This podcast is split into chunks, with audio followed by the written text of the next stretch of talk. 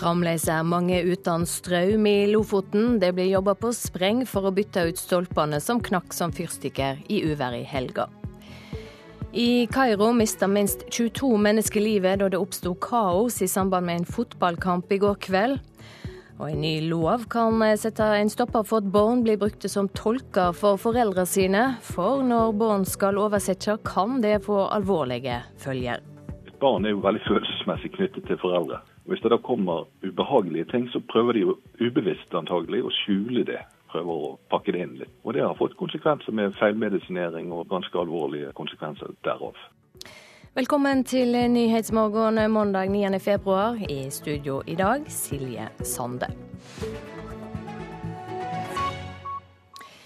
Fremdeles er flere husstander i Lofoten uten strøm etter ekstremværet Ole sine herjinger på lørdag. Selv om Lofotkraft har hatt alt tilgjengelig mannskap ute, vil det ta flere dager før alle får strømmen tilbake. Nærbutikken i Henningsvær har sitt eget aggregat, og det har blitt en viktig samlingsstad. Så tenkte jeg at når vi fremdeles er uten strøm, så må vi gjøre det samme i dag. Og De ser at det er veldig mange som kommer, om ikke annet for å få lade mobiltelefoner, så de har litt kontakt med, med omverdenen. Kjøpmann Børge Larsen i Henningsvær hadde søndagsåpent i går. Fiskeværet i Lofoten mista strømmen under ekstremværet Ole, men med eget aggregat var det mange som tok turen innom, bl.a. Rikke Larsen. Så det har, det har, Vi har internett her, så da kan jeg komme hit og så kan jeg lade mobilen min og, og være på Facebook. Store deler av Lofoten var uten strøm etter Oles herjinger lørdag. De fleste har nå fått strømmen tilbake, men Henningsvær er et av stedene der det fortsatt kan gå litt tid. Årsaken er at en strømmast som sto på en holme, knakk sammen i stormen. Administrerende direktør i Lofotkraft Arnt Winther sier det er leid inn ekstra mannskap for å reparere strømnettet, men at det kan ta flere dager før alle får strømmen tilbake. Det er masse stolper som er knekt av som fyrstykke, det er masse ledninger som er slettet av, og det er masse ledninger som ligger på bakken. Og det her tar tid. Det ble satt vindrekorder flere steder i fylket, og ifølge meteorologene var Ole et av de voldsomste uværene i landet på omtrent ti år. Lofotkraft fortsetter i dag å reparere strømnettet. Og for Ann Sissel Wiik i Henningsvær haster det med å få strømmen tilbake. Nei, det, man må jo bare gjøre det beste ut av det. Man har gode, gode naboer med fyringsmuligheter. For hos oss er det bare strøm. Så det blir til dels jævlig kaldt. Reporter Kari Skeie og Jon Inge Johansen. Håpnesbrua på E6 i Namsskogan kommune i Nord-Trøndelag er stengt etter at rundt fire kvadratmeter av toppdekket på brua har løsna. Det skriver Adresseavisa. Det er få omkjøringsveier i området, og Norge er delt i to nå, sier Pål Vatterholm på Vegtrafikksentralen til avisa. Brua ble stengt før midnatt. Ingeniør i Statens vegvesen Svein Aasand sier arbeidet kommer til å ta noe tid.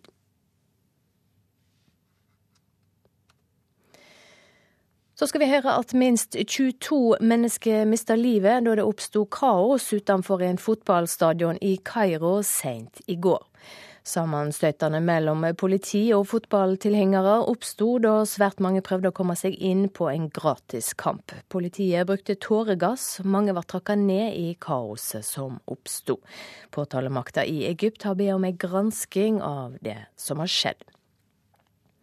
Så til eh, Australia. Der overlevde statsminister Tony Abbott ei tillitsavrøsting i eget parti i dag tidlig.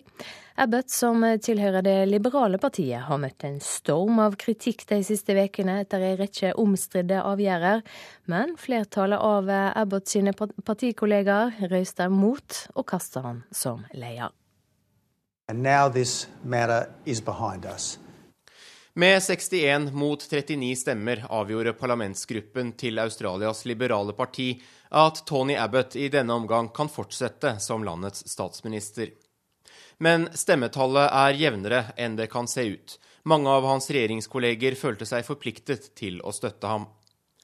Abbott har den siste tiden fått massiv kritikk for sin lederstil, og spesielt for sine egenrådige og vil noen si eiendommelige avgjørelser som statsminister. Det toppet seg da han utnevnte britenes prins Philip til ridder nylig, av grunner mange i Australia ikke kan forstå. Kritikerne mener det er mange sterkere kandidater til en slik heder enn en tilårskommen britisk aristokrat som for noen år siden spurte landets urbefolkning om de fortsatt kaster spyd på hverandre. Um, we think that when you elect a government, when you elect a prime minister, vi mener at når dere stemmer på en regjering, bør den regjeringen fortsette til dere kan gjøre dere opp en ny mening, sier Abbott i dag. Og det kan se ut som velgerne vil ta ham på ordet. Kun 24% mener for tiden Abbott gjør en god jobb. Peter Schwaar, Beijing. Rikinger verden over gjemte vekk milliarder av kroner i den sveitsiske banken HSBC. Det viser nye avsløringer i det som blir omtalt som historiens største banklekkasje.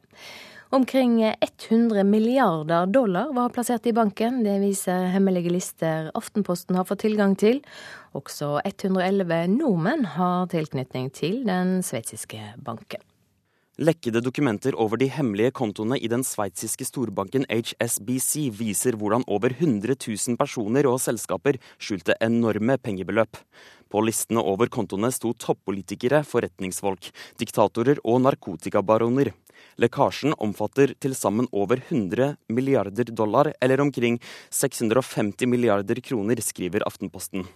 Den sveitsiske banken ga kunder råd om hvordan de kunne unngå skatt i sitt hjemland, og hjalp til med å overføre penger til skatteparadiser. Franske skattemyndigheter fikk dette materialet i 2009, og ga det videre til politiet for etterforskning. Også 111 nordmenn står på disse listene. I et fire sider langt tilsvar skriver banken at de er blitt radikalt forandret i løpet av de siste seks årene, men at de tar ansvar for det som har skjedd. Og Det sa reporter Martin Holvik. Barn blir ofte brukte som tolker for foreldrene sine. Det kan få alvorlige konsekvenser, opplyser tolketjenesten Noricom i Bergen. Nå kan en ny lov stoppe bruken av barn som tolker, og det er viktig, sier daglig leder i Noricom, Geir Wilhelm Monsen. Et barn er jo veldig følelsesmessig knyttet til foreldre. Hvis det da kommer ubehagelige ting, så prøver de jo ubevisst antagelig å skjule det. Sånn at de tolker ikke akkurat det som, de, som, blir sagt fra legen, de prøver å pakke det inn litt. Og det har fått konsekvenser med feilmedisinering og ganske alvorlige konsekvenser derav. Geir Wilhelm Monsen, daglig leder for tolketjenesten Noricom Vest, mener en lovendring er viktig. Det skjedde ganske ofte før, men det skjer enda en del ganger at eh, kunden, kunden sier til oss eller til andre som leverer tolk, at det er ikke nødvendig at det kommer tolk, fordi at eh, vi har et barn som er veldig flink i språket, som kan tolke. Camilla Kayed, fagsjef hos Barneombudet, sier dette er et problem de lenge har vært bekymret for. Ja, Barneombudet har snakket med unge voksne som har blitt brukt uh, som tolk da de var barn, og som har fortalt oss hvordan dette har vært for dem. Og Det er jo en opplevelse som de ikke syns har vært grei. Statssekretær i Barne- og likestillingsdepartementet, Kai Morten Terning, mener dette lenge har vært et problem som må løses. Barn skal få lov til å være barn, og skal slippe å forholde seg til voksenproblemer. Derfor har vi nettopp hatt ute en høring om å innføre forbud mot å bruke barn som tolker i samtaler mellom foreldre og det offentlige. Og flere rapporter som viser at barn blir brukt som tolker, er både i kontakt med Nav, med politiet, men også i kontakt med fastlege. Det er ikke heldig verken for barna eller for rettssikkerheten til foreldrene. I en undersøkelse utført av Integreringsdirektoratet svarer 5% av fastlegene at de ofte kommuniserer med pasienten gjennom et mindreårig familiemedlem i stedet for tolk. De barna vi snakket med eh, sa til oss at dette er jo å bruke barn som gratis arbeidskraft. Så dette har vi syntes har vært eh, veldig alvorlig. Ja, Det sa til slutt Camilla Kajed i Barneombudet. Reporter Feiros Sado. For dårlig informasjon og for lite kunnskap om epidural gjør at det å føde er knyttet til mer smerte enn nødsynt. Det mener professor Leiv Arne Rosseland på Oslo universitetssykehus. Her får omtrent halvparten av kvinnene epidural. Tallet kunne gjerne vært høyere, mener Rosseland. Og så trenger vi et epiduralsett og en eh, sånn duk som vi dekker til pasientens ryggmenn etter at vi har vasket. Spesialist i anestesi Leiv Arne Rosseland gjør seg klar til å sette epidural på en kvinne som snart skal føde. Den smertelindrende væsken skal settes i ryggen på kvinnen. Og her har vi da epiduralnål, epiduralkateter og sprøyte. Så for meg er, er, det litt vanskelig å forstå at, at det å føde med smerte et, er et gode i seg selv. Smerten kan nemlig godt begrenses, mener Rosseland. Han mener for mange har en negativ holdning til bedøvelse under fødsel, og det uten grunn. Jeg har ikke noe mål om at eh, så mange som mulig skal ha fødeepidural. Jeg ønsker bare at eh, de fødende skal ha eh, god og kunnskapsbasert informasjon om tilbudet, og at den fødende selv kan ta beslutning selv om dette er et tilbud hun ønsker eller ikke. Camilla Gaustad fødte for to dager siden.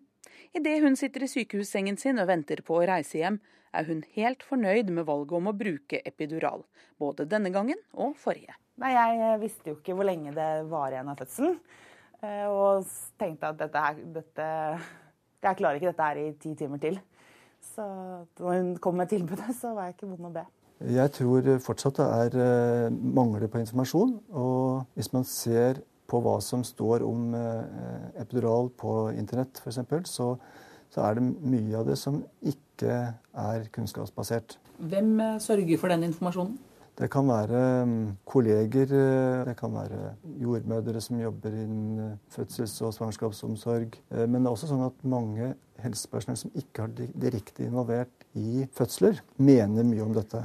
Hvis kvinner i større grad brukte smertelindring som epidural under fødsel, ville det kunne få ned antallet keisersnitt, mener spesialisten. Vi opplever jo det som et økende problem at mange kvinner har hatt en traumatisk fødsel tidligere og ved neste svangerskap eh, ikke ønsker å gå gjennom en vanlig fødsel, men eh, ber om keisersnitt.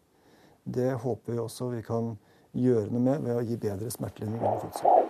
Ja, fin lyd, da. Hos jordmorteamet på Frogner ligger Kristin Rudstaden på undersøkelsesbenken, gravid med sitt fjerde barn. Jordmor Bippi Trovik har ingen forståelse for synspunktet til Rosseland. For å være helt ærlig, så klarer jeg ikke å ta det helt seriøst. På disse årene jeg har jobbet, har det bare vært en enorm stigning i bruk av epidural. Så man kan ikke si at det er lite bruk av epidural i Norge. Det er meget høyt. Hva sier du til eh, dine gravide pasienter her, da? Jeg sier dette kan du. Du kan føde uten noen ting. og den gleden som det er, og den stolte følelsen du har etter at du har født uten noen medisiner, den unner jeg alle kvinner å få oppleve, for den er helt fantastisk. Det er helt normal puls. Kristin Rudstaden, som skal føde i mai, er helt enig med jordmoren sin. Jeg brukte det første gangen, og de to andre gangene jeg ikke brukte, absolutt være mest fornøyd med å ikke bruke det. Så det skal ganske mye til for at jeg bruker det igjen. Det sa Kristin Rudstaden til reporter Trine Bråten. Så skal vi ta en eh, kikk etter hvert på dagens aviser. Blåst av vegen er overskrifta i Nordlys. Avisa forteller om hvordan Ole råker Nord-Norge. Dersom Venstre holder fram med hardkjøret mot justisminister Anders Anundsen, ryker regjeringa. Det sier Christian Tybring-Gjedde i Frp. Han sier til Klassekampen at Frp har mista tålmodet med støttepartiene. En dagligvareportal på nett kan gi dyrere mat, skriver Nasjonen. Politikerne vil at forbrukerne skal kunne sammenligne matprisene på nettet, men Konkurransetilsynet tror maten blir dyrere av det. VG forteller hvor mye det koster å skilje seg. Avisa har regnestykker og ekspertråder for de som vil gå hver til sitt. Psykolog Per Isdal mener vi bruker språket for å gjøre valg mot barn mildere. Han advarer mot ord som tukt og dasking, og sier til Vårt Land at valg er vold. Det er billigere å få en pakke levert fra Kina enn fra en annen sted i Norge, kan Dagens Næringsliv fortelle. Årsaka er en gammel u-landsavtale som gjør at Posten må plukke opp regninga. Flere reagerer på hovedrollevalget i stykket 'Otello' på Den nasjonale scene, skriver Dagsavisen. Å sette den hvite Hollywood-stjerna Bill Pullman til å spille Otello gjør at vi går baklengs inn i framtida, sier en litteraturviter til avisa. Og det blir ny Veum-satsing i Bergen. Bergens Tidende skriver at forfatter Gunnar Staalesen har skrevet kontrakt med et produksjonsselskap om en ny serie til 70 millioner kroner om privatdetektiven. Dagbladet forteller om alenemora Maria Sambo, som flytta til USA for at den hardt, hardt epilepsiråka ett år gamle dattera skulle opereres i hjernen. Og Adresseavisen skriver om en 15-åring i Femundløpet som måtte ligge alene 20 timer på fjellet. Hundekjøreren sov i sleden medan stormen raste. Så skal vi ha sport her i Nyhetsmorgen, for Kjetil Jansrud dropper VM storslalåmen og reiser til Østerrike for å trene. Nå skal sølvvinneren fra kombinasjonen i VM i går jakte sammenlagtsiger i verdenscupen. Han hiver seg fram! Dette kan gå! det går ikke! Han går inn på andreplass! Oh! Kjetil Jansrud tar sølvet. Marcel Hirscher vinner foran Kjetil Jansrud. Det er 1900-deler unna, men det blir norsk medalje! Og 29-åringen var lettet over endelig å ha tatt medalje i mesterskapet. Det henger høyt, så den, den her henger Ja, den her er mye verdt. Men så er det selvfølgelig, hvis du snur på det, hvis det ikke hadde blitt medalje i dag, så hadde jeg jo sannsynligvis måttet dra hjem fra et VM uten medalje i et VM hvor de fleste har påstått at jeg burde dratt hjem med kanskje to minimum. Og det har vært vanskelig å håndtere. Um, men jeg er veldig glad jeg drar, um, drar hjem med, med noe i bagasjen. Vinstra-gutten dropper nå det planlagte storslalåmrennet i VM. Nå venter en periode med trening i verdenscupbakken i østerrikske Salbach. Målet er å bli best mulig forberedt til utfor- og super-G-rennene i samme bakke om to uker. Det er den første gangen i karrieren min at jeg har vært så nære å, å kjempe om, om, ting i verdenscupen, og det går om potensielt sett tre kuler. Og det er Ja, det henger så høyt for meg at uh, den, uh, den ofringa, hvis vi skal kalle det, og en storslalåm, den, den må jeg bare gjøre. Jansrud er bare 180 poeng bak ledende Marcel Hirscher i sammendraget. Vinner han både i super-G og utfor i Salbach, vil han igjen lede verdenscupen sammenlagt. Og det sa reporter Hilde Liengen. Du hører på Nyhetsmorgen i NRK P2 og Alltid nyheter. Klokka er straks 6.47. Rikinger verden over gjemte unna penger i den sveitsiske banken HSBC. Nå kommer alt på bordet i banklekkasjen som blir kalt Swiss Leaks. Minst 22 mennesker mistet livet da det oppsto kaos utenfor en fotballstadion i Kairo sent i går. Og det ble ingen norske priser under nattas Grammy-utdeling i Los Angeles. Vi starter med nettopp eh, Grammy-utdelinga. R&B-artisten Bernhoft og elektronikaduoen Røyksopp var to av flere norske nominerte, men det var britiske Sam Smith som ble årets Grammy-konge.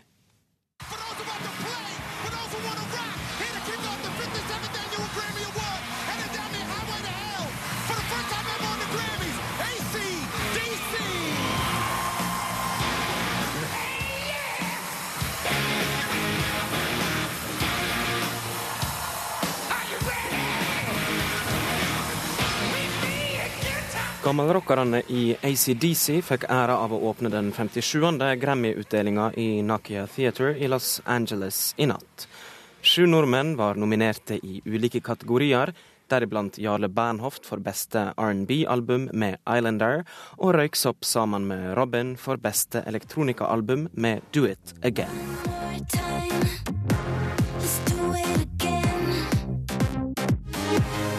Men ingen av de norske nominerte fikk med seg noen pris hjem.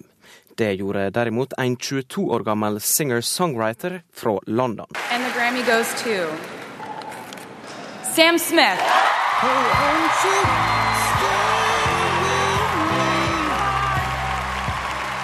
Oh my gosh.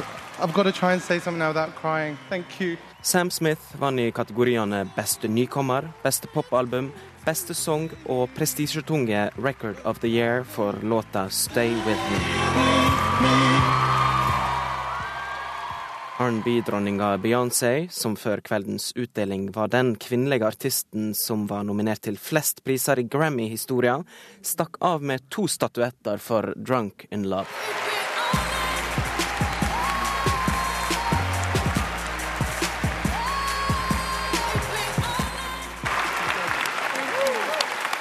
Wow, thank you guys so much. This is such an honor. I'd like to thank God. Medan årets album og årets rockealbum gikk til veteranen Beck for skiva 'Morning Fate'.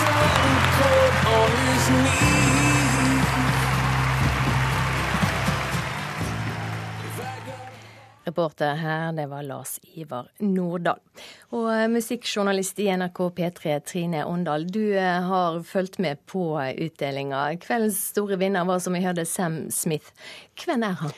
Han er jo et ukjent navn for mange. Han er 22 år gammel brite som, som har egentlig fått et stort gjennombrudd med den låta som han nå vant fire priser for, 'Stay With Me'. En veldig sånn sår, rolig pianoballade med litt sånn nesten gospelaktig vokal, eh, som, som, kom nå i fjor sommer.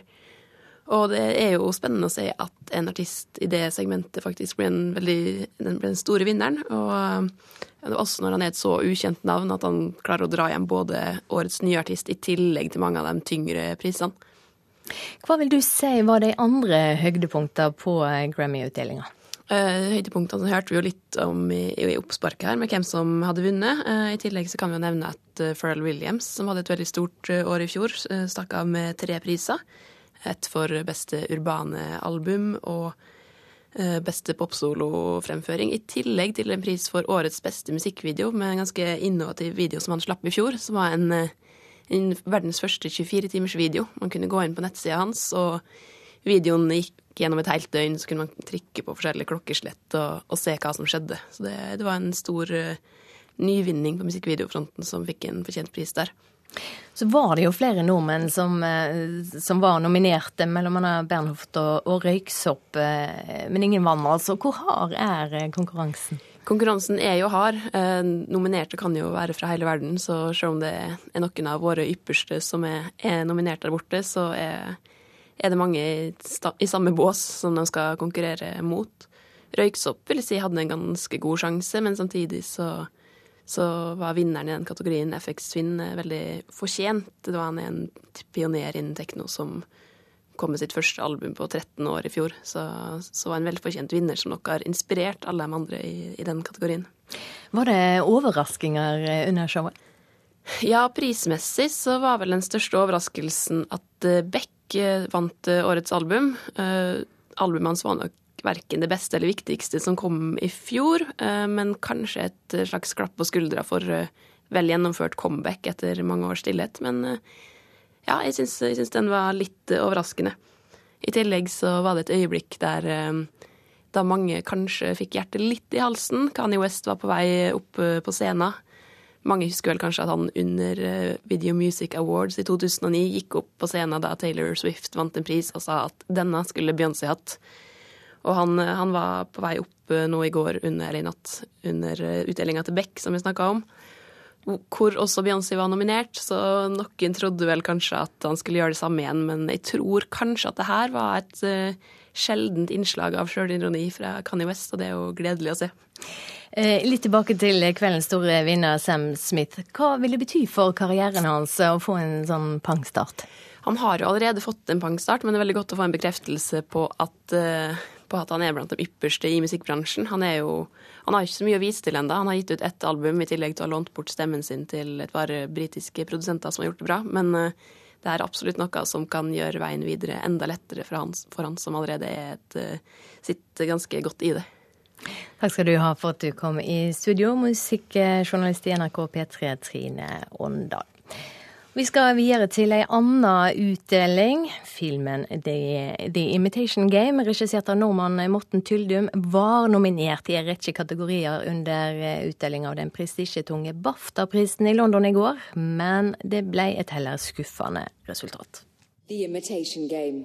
Keira Knightley, The Imitation Game. The Imitation Game. Det manglet ikke på BAFTA-nominasjoner for Morten Tyldums The Imitation Game. Hele ni i tallet. Men det endte med nominasjonene. Ikke en eneste en av de ettertraktede maskene tilfalt den kritikerroste filmen om kodeknekkeren Alan Turing fra andre verdenskrig.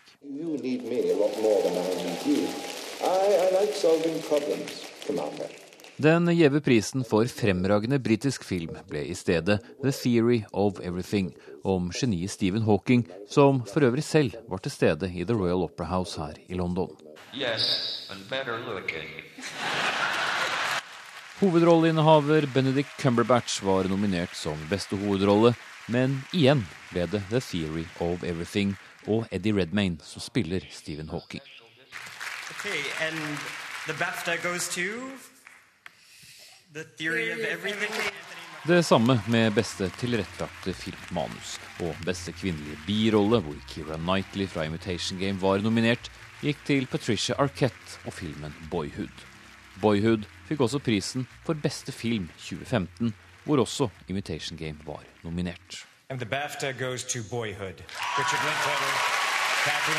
I tillegg var filmen nominert i kategorien for beste klipp, beste lyd, beste produksjonsdesign og beste kostyme, men altså til ingen nytte. Filmen som sopte med seg aller flest BAFTA-priser, var The Grand Budapest Hotel. The Grand Budapest Hotel. Bring about the Grand Budapest Hotel. Av Wes Anderson med Ray Fiends i hovedrollen. Wes Anderson, The Grand Budapest Hotel. Men muligheten for nye priser er så absolutt til stede også om knappe to uker. Da går Oscar-utdelingen av sabelen. Og Imitation Game er nominert i åtte kategorier, deriblant beste regi og film. Espen Aas, London. Her i Nyhetsmorgen skal vi ha et værvarsel fra Meteorologisk institutt. Det gjelder fram til midnatt. Fjellet i Sør-Norge vestlig bris, opp i sterk kuling utsatte steder. Skyer eller delvis skyer. I nordlige og nordvestlige områder enkelte sludd- eller snøbyger, ellers opphold. Østafjells nordvestlig bris, frisk bris utsatte steder. På kysten vest for Lindesnes nordvestlig liten kuling. Opphold og perioder med sol. Rogaland får nordvestlig frisk bris, periodevis liten kuling utsatte steder. For det meste skyer, stort sett opphold. Lokal skodde i indre strøk. Hordaland og Sogn og Fjordane vestlig frisk bris, periodevis liten kuling utsatte steder. I kveld sørvestlig stiv kuling ved Stad. Litt regn og yr. Nedbør som snø over 800 til 1000 meter. Lokal skodde i indre strøk. Møre og Romsdal får øke til sørvestlig stiv kuling på kysten, først i den nordlige delen. Perioder med regn, snø over 800 til 1000 meter. Trøndelag sørvestlig stiv kuling, periodevis sterk kuling utsatte steder. Regn, snø over ca. 700 til 900 meter. Først på dagen lokalt mye nedbør i Nord-Trøndelag. Nordland får vestlig stiv kuling utsatte steder, perioder med sterk kuling. Regn, snø over 600-800 meter, lokalt mye nedbør på Helgeland og i Salten. Troms øker til sørlig liten kuling, litt snø. Fra i ettermiddag vestlig sterk kuling utsatte steder, kan hende liten storm i nord. Økende nedbør og etter hvert regn under ca. 300 meter.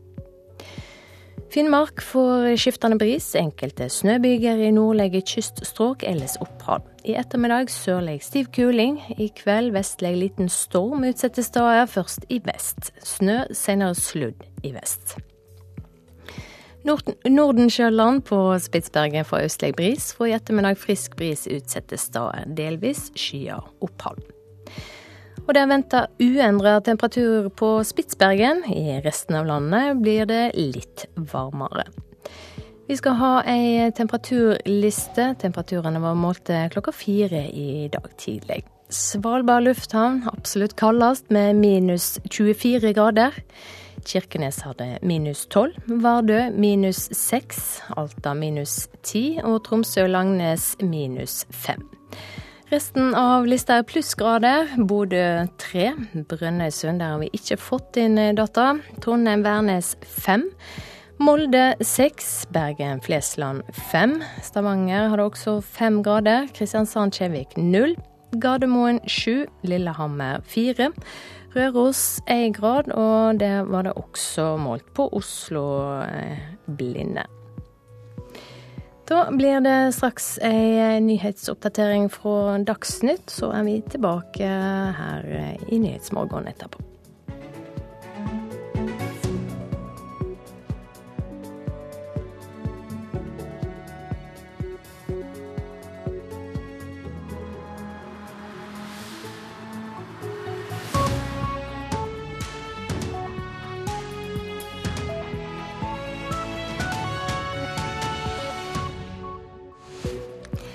Og Nyhetsmorgen holder fram i P2 og Alltid nyheter med disse sakene.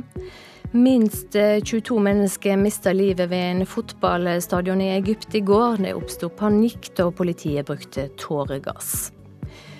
Dersom Venstre holder fram hardkjøret mot justisminister Anders Anundsen, går regjeringa av. Advaringa kommer fra Christian Tybring-Gjedde i Frp.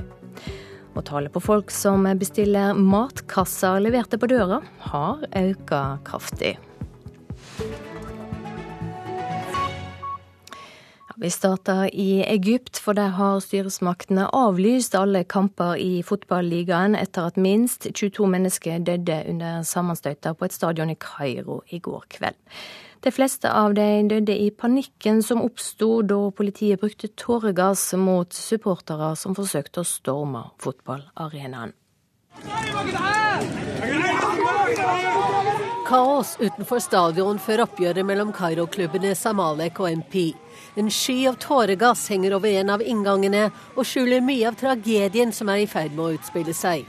Et stort antall mennesker forsøker å flykte fra gassen, i panikken og trengselen som oppstår, blir mange av dem kvalt til døde. Egyptiske myndigheter sier det hele startet da Samalek-supportere forsøkte å ta seg inn på stadion uten billett. Politiet forsøkte å stanse dem, de begynte å slåss, og politiet skjøt med tåregass for å spre folkemengden. Men bare én utgang sto åpen, og den var altfor trang for de mange som prøvde å komme seg unna den sviende gassen. Noen ble trampet i hjel, men de fleste av de omkomne døde av kvelning, sier leger og øyenvitner.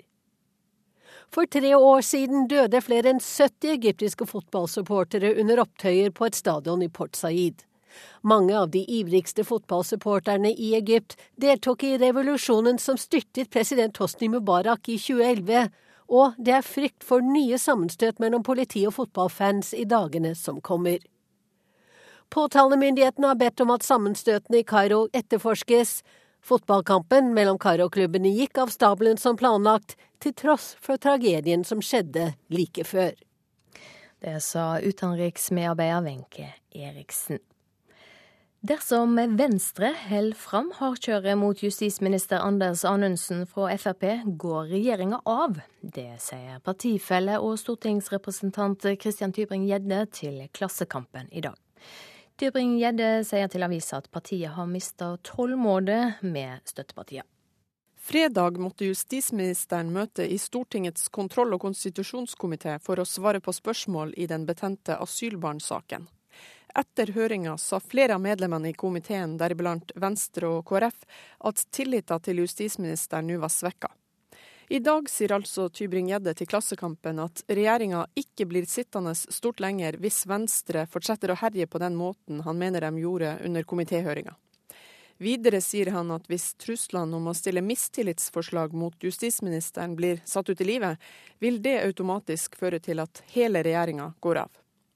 Tybring-Gjedde sier at samarbeidsproblemene som nå har kommet til overflata i asylsaken, egentlig skyldes samarbeidsavtalen mellom regjeringa, Venstre og KrF. Tybring-Gjedde sier til Klassekampen at et grunnleggende problem med avtalen er at den etter hans syn gir Venstre og KrF for stor innflytelse. Reporter Eva Marie Bulai. Virksomheter som leverer matkasser med middag hjem til folk, øker omsetninga kraftig. NRK har undersøkt hva gjøremål nordmenn kjøper seg ut av, og omsetninga til tre av de største leverandørene av mat på døra har økt med 660% de siste tre åra. Tre kasser med mat pakkes opp på kjøkkenbenken til Mona Dale Engers familie i Lillestrøm. Vi syns det var litt råflott at vi skulle ha noen til å sette sammen meny for oss, komme med mat på døra. Vi tenkte at det må vi vel kunne fikse selv. Og det prøvde vi jo på, men eh, så gikk vi tom og trengte litt hjelp. NRK har undersøkt ulike gjøremål nordmenn kjøper seg ut av, og mat på døra har kommet som en kule de siste årene. På tre år har omsetninga til Godt levert, Adams matkasse og Kolonihagen økt fra 40 til 330 millioner kroner. vaskehjelp er en annen tjeneste nordmenn har omfavna. Mens 4% hadde vaskehjelp i år 2000, har 14 det i dag, ifølge en spørreundersøkelse gjort for Nordea. Fordi det er veldig praksis. Man får tid for familie og sånn. Sier vaskehjelp Magdalene Skirin. Hun strekker seg etter noen gjenglemte sokker som ligger under en seng. Men jeg ønsker meg også i fremtiden. At nordmenn generelt har god økonomi og ønsker seg fritid, er noe av forklaringa på at flere kjøper tjenester. Anniken Bugge ved Statens institutt for forbruksforskning er ekspert på nordmenns matvaner. Bugge er ikke overraska over at nettopp mat på døra har slått an. Vi ser at folk stiller stadig høyere krav til matvanene sine. Det skal være ferskt, friskt og råvarebasert, og man legger mindre vekt på eh, raskhet og lettvinthet. Og også en veldig økende opptatt av sunnhet, samt den interessen for å lage mat fra bunnen av som oppfattes som sunt og ordentlig og da tenker jeg at eh, disse middagsabonnementene de tilbyr nettopp en løsning på det dilemmaet folk opplever. På den ene siden at de ønsker seg sunne og spennende matretter. Og så er de også litt avhengig selvfølgelig av å få maten relativt raskt på bordet. Jeg vet ikke helt om vi skjønte helt hvor fort dette skulle gå heller. Sier kokk Ole Martin Alfsne Godt levert, og ser bort på daglig leder Kjetil Graver.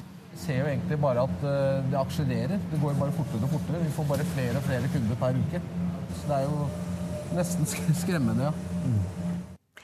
Reportere her Kristine Svendsen og Anne Marte Moland. Med nå Elin Reitan, forbrukerøkonom i Nordea. Hva sier det om oss nordmenn at vi kjøper flere slike tjenester enn før? Vel, det sier jo at vi er villige til å bla opp for å få en enklere hverdag og mer fritid. Eh, det er jo ikke til å legge skjul på at vi har eh, god råd. Vi har hatt eh, perioder med god lønnsvekst, lave renter, og, og det gjør jo at vi har fått et overskudd i lommeboka som nordmenn da villig bruker på å betale for, for sånne tjenester som det her. Hva bør en tenke over før en går til slike innkjøp som dømes mat på døra? Det man må tenke på, er jo at det går jo på bekostning av andre ting. Eh, og også at det er en alternativ kostnad forbundet med det her. For hadde man brukt de her midlene til å investere i, i, i måter som gir en, en, god avkastning, så er det jo klart at eh, pengene ville ha fått en, en annen utvikling enn det, det, som skjer når du, du bruker dem. Og, og det bør man ta med i det regnestykket, synes jeg. Hvor god økonomi eh, bør en ha før en bruker penger på eh, vask, f.eks., heller enn å betale ned på lån? Vel, man bør ha såpass god økonomi at det ikke går på bekostning av eh, nedbetaling av lån og, betale, betaling av andre utgifter som, som, som, kommer. Eh, men det som er interessant, er jo at det er jo ikke bare dem med, med god råd som velger å betale for sånne tjenester. Også andre inntektsgrupper prioriterer hjelp i hjemmet. Hvordan eh, tror du, tror du dette er en trend som vil holde fram? Absolutt, eh, det, det, tror jeg. Eh, for selv om det koster å, å være kar, og, og det, er, det, er, kostbare tjenester, det her, så er det jo klart at uh, vi, vi, har, vi lever i en travel hverdag med, med tidsklemme som, som, ligger over oss. Og Samtidig så, så, kan man også se sånn på det at for mange så er det jo nødvendig å kjøpe de her tjenestene for å få tidsklemma til å gå opp. Og hvis alternativet er å jobbe mindre, så er det jo klart at det er ofte langt mer gunstig å, å kjøpe sånne tjenester framfor å gå ned i stillingsprosent. Hvordan vurderer du utsiktene for norsk økonomi framover? Vel, jo, vi går jo inn i en litt mer uh, usikker periode. Uh, folk vil nok kjenne på lommeboka at den kanskje blir litt mer uh, slunken i tida framover. Samtidig så har vi jo veldig lave renter, og det vil jo veldig mange nyte godt av. så derfor så, så, tror jeg ikke vi har noe å frykte. Vi, vi kommer til å fortsatt ha det veldig godt her i Norge. Og folk vil fremdeles kjøpe slike tjenester? Det tror jeg absolutt. Takk skal du ha for at du kom i studio, Elin Reitan, forbrukerøkonom i Nordea.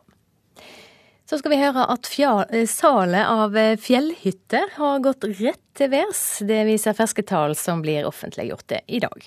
Hyttemeklerne på Lillehammer har fått travle dager.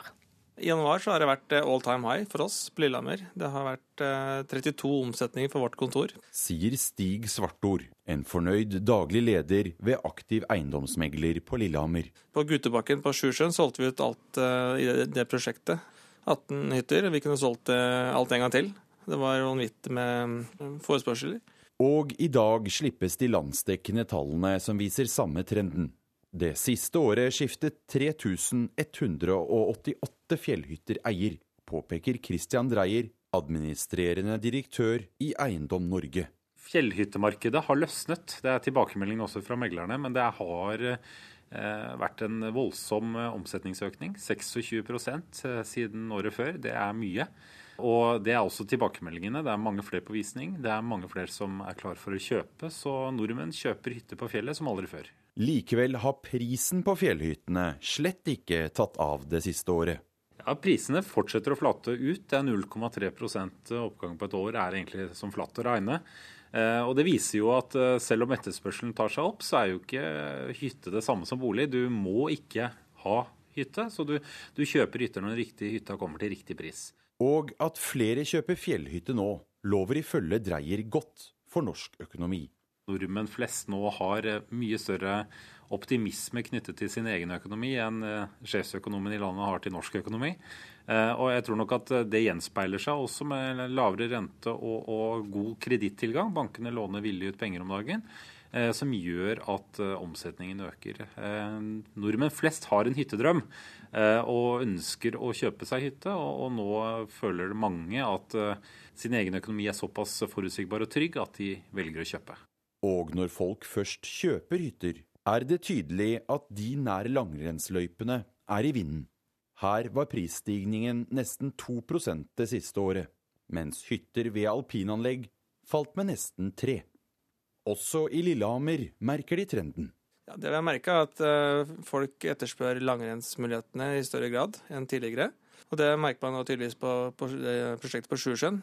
Tydeligvis er det den type hytte som uh, treffer bra. Uh, det ligger jo da i langrennsmekka uh, på Innlandet her. Reportere Sindre Heierdal, Stein Skinstad og Trond Lydersen. Med meg nå på linje fra Sogndal forskningsleder Carlo Aall ved Vestlandsforsking. Du har forska på utviklinga innen friluftsliv og hyttebruk, og du kaller det norske hyttelivet for et enkelt liv i luksus. Hva legger du i det? dette enkle begrepet har vært sentralt eh, for deler av hyttemarkedet i all tid, men det har på en måte snudd seg på hodet. Fra en eh, forestilling om at man skulle ha et eh, hva skal vi si, fravær av tekniske hjelpemidler. Det var viktig at man hadde utedo og ikke innlagt vann. Så har dette enkle blitt snudd opp ned at nå er det enda viktigere at man har vaskemaskin, oppvaskmaskin og, og badstue på hytta. Altså fordi nå er det livet som skal være enkelt, ikke eh, hva skal vi si, den tekniske påvirkningen. Hva er det nordmenn er ute etter når de reiser på hytta?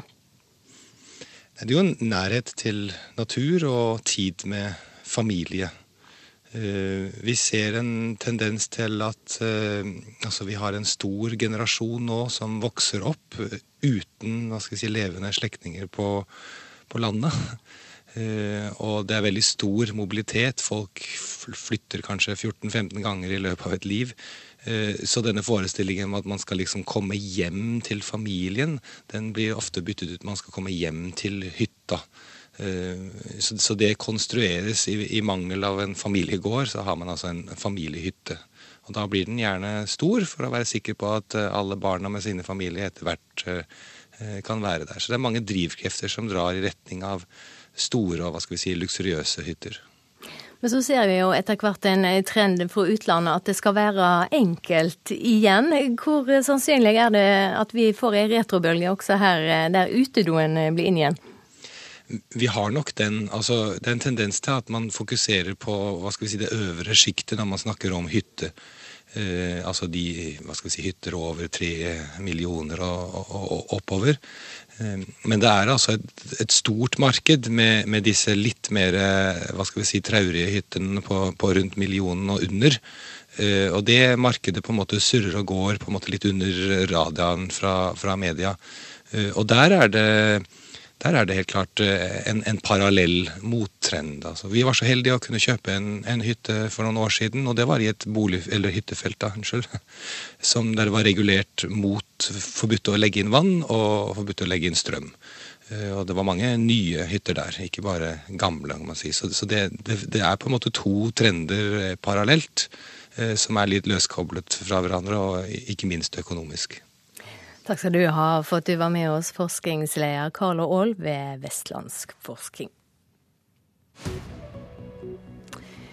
Klokka er blitt 7.18. Du hører på Nyhetsmorgen. Egyptiske styresmakter har avlyst alle kamper i fotballigaen etter at minst 22 mennesker døde under sammenstøyter på et stadion i Kairo i går kveld. Dersom Venstre holder fram hardkjøret mot justisminister Anders Anundsen, går regjeringa av.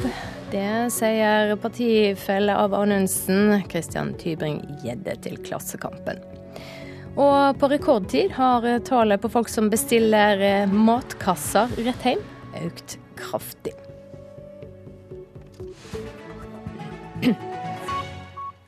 Så skal vi til India, for eh, borgermestervalget i Indias hovedstad New Delhi i helga kan ha påført statsminister Narendra Modis hans første valg- og prestisjenederlag etter valgtriumfen i mai i fjor. Alt tyder på at antikorrupsjonskandidaten Arvin Kerival blir New Delhis neste politiske leder.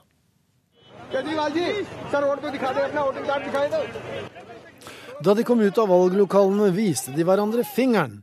Ikke for å uttrykke forakt, men for å vise at de hadde gjort sin borgerplikt. Blekket på fingertuppen er beviset, og 67% fremmøte i en så sammensatt og kaotisk by som New Delhi regnes som meget bra.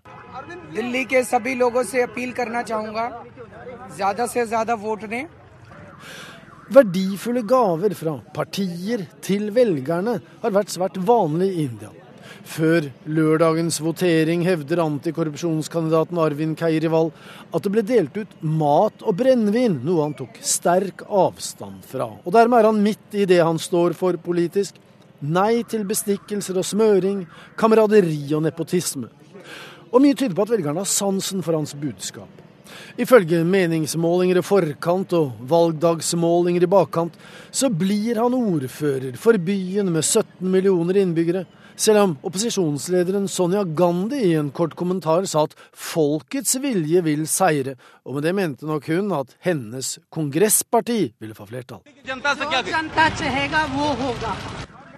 Men tidligere borgermester Sheila Dixit, også hun fra kongresspartiet, sier at det var enklere før. Da vant enten det hindunasjonalistiske BJP eller det mer sosialdemokratisk orienterte kongresspartiet. Men med Keirivals nystartede Am Admi, partiet for den vanlige mann, med i kabalen, er det blitt vanskeligere å tolke hvilken vei det blåser, sa Sheila Dixit. Vote तीन जगह डिवाइड हुआ है नॉर्मली होता था बीजेपी और कांग्रेस के बीच में तो आसान होता था Dersom Keirival har vunnet, er det meget spesielt.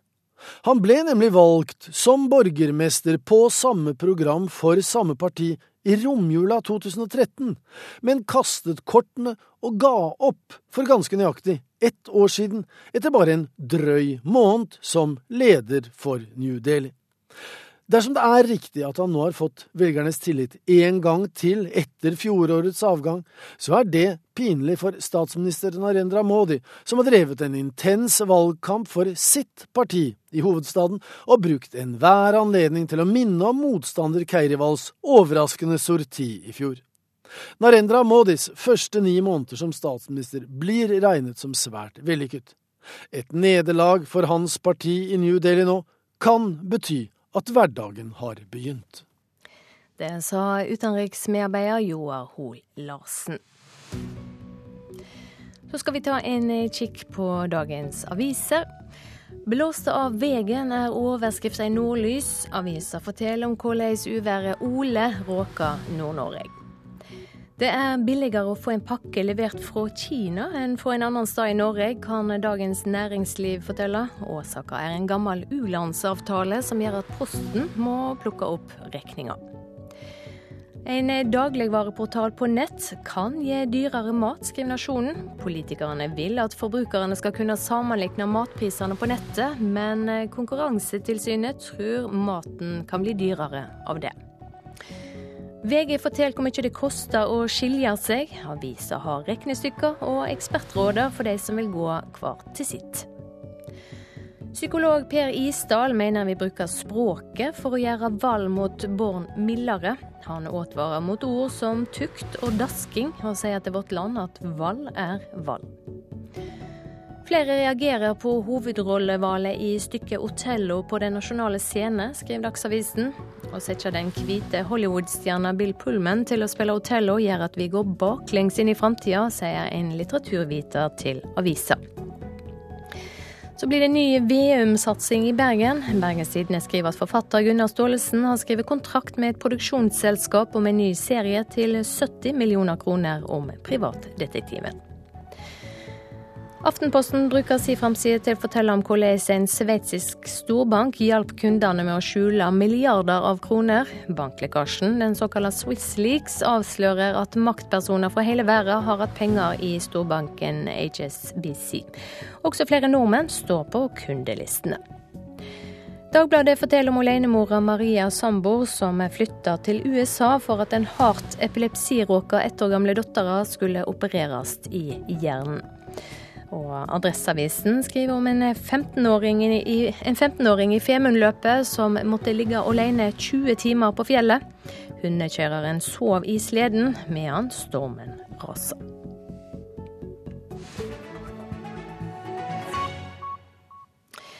En av de mest kjente fotografene i Norge, Morten Krogvold, sier vi vil angre veldig på at mobilen har tatt over som fotoapparat. I dag har alle kamera i lomma eller veska, og vi lagrer og deler mobilbilder som ofte er av dårlig kvalitet. Krogvold går så langt som å si at Norge vil miste deler av den nasjonale fotoskatten dersom vi ikke blir flinkere til å ta foto med kvalitet. Selfie. Så da sender vi den til Emily. På Snapchat. På Snapchat, ja. Da får hun billig noen sekunder. Det knipses, lagres og deles. Emily, Maria og Sunniva fra Bamble i Telemark gjør som hundretusenvis av andre nordmenn. Fotominnene for framtida blir til gjennom en bitte liten kameralinse man har i lomma eller veska. Ja, så du må ta, ta et bilde så du hører lyden. Tenker dere på at eh, det ikke er så veldig god kvalitet på de bildene, eller er ikke det noe dere bryr dere om? Nei, ikke egentlig. For det er jo ikke veldig seriøse ofte bilder som vi sender. Men det er noen av de som blir eh, lagra? Ja, og videre lagt ut igjen. Men da, da, er det gjerne det man har. Har du tenkt på at de bildene du tar nå, da, at det er de du skal vise til, til barnebarna? Eh, nei, de tenker jeg egentlig er borte da. Dette er hovedkamera. Det er så stort er det. Bitte lite. Det er smått. Skal vi ta millimetermål? Andreas Malmgren Johannessen ved Japan Foto holder en gjennomsiktig liten pose i hånda Oppi så har han delene som utgjør kameraet på en iPhone 5. En linse som kun er på 2 mm, selfiekamera enda mindre. Og kvaliteten det kan, kan ikke forventes mye da, når uh, selve sensoren er så bitte, bitte liten. Andreas forteller at mange får seg litt av en overraskelse når de skal printe ut bilder i butikken. Da er det ofte det at de, eh, de sier nei, dette ble jo skikkelig stygt. Eh, blir ikke fornøyd i det hele tatt. Hvorfor er de ikke fornøyd da? Nei, eh, bildekvaliteten er ikke god nok. Eh, og Da må vi spørre er det tatt med en mobiltelefon. Yes. Og da trenger de ikke klage så veldig mye mer. Vi har oss sjøl å takke hvis vi kun bruker mobiltelefonen som kamera. Eh, det blir jo ikke bra. En av Norges aller mest kjente fotografer, kanskje den mest kjente, Morten Krogvold, lever og ånder for fotoyrket. Han får ikke sagt klart og tydelig nok hvor bekymra han er for fotoutviklinga. Det eneste som overlever oss som mennesker når alle rundt oss er døde, som har kjent oss, så er det en én ting, og det er et fotografi. Det som skjer med den digitale øh, fotograferingen nå med lav kvalitet, blir jo av at A, det kommer til å forsvinne, og B, at kvaliteten uh, på de minnene man har, er vesentlig dårligere enn min mor og fars uh, minner. Og Du skal huske på en ting, at alle anketter sier at hva vil du eh, redde ut av et brennende hus hvis du har liksom fått med deg marsvinet ditt?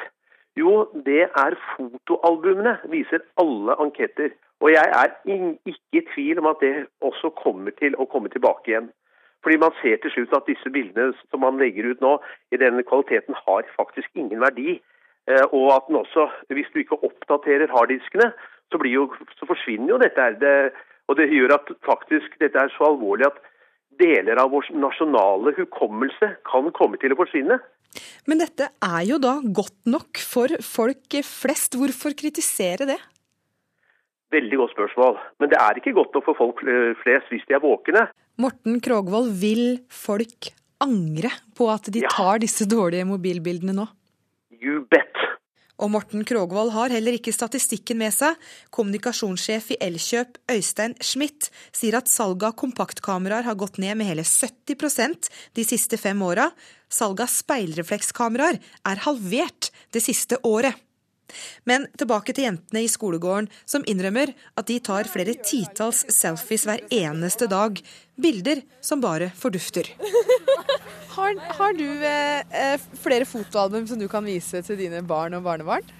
Eh, jeg tror jeg har ett fra en sydentur. og det bør du kanskje ikke vise? Nei, kanskje ikke. Reporter her, det var Grete Ingebjørg Berge. Du eh, hører på Nyhetsmorgen. Det blir straks Dagsnytt her med Ida Creed i studio.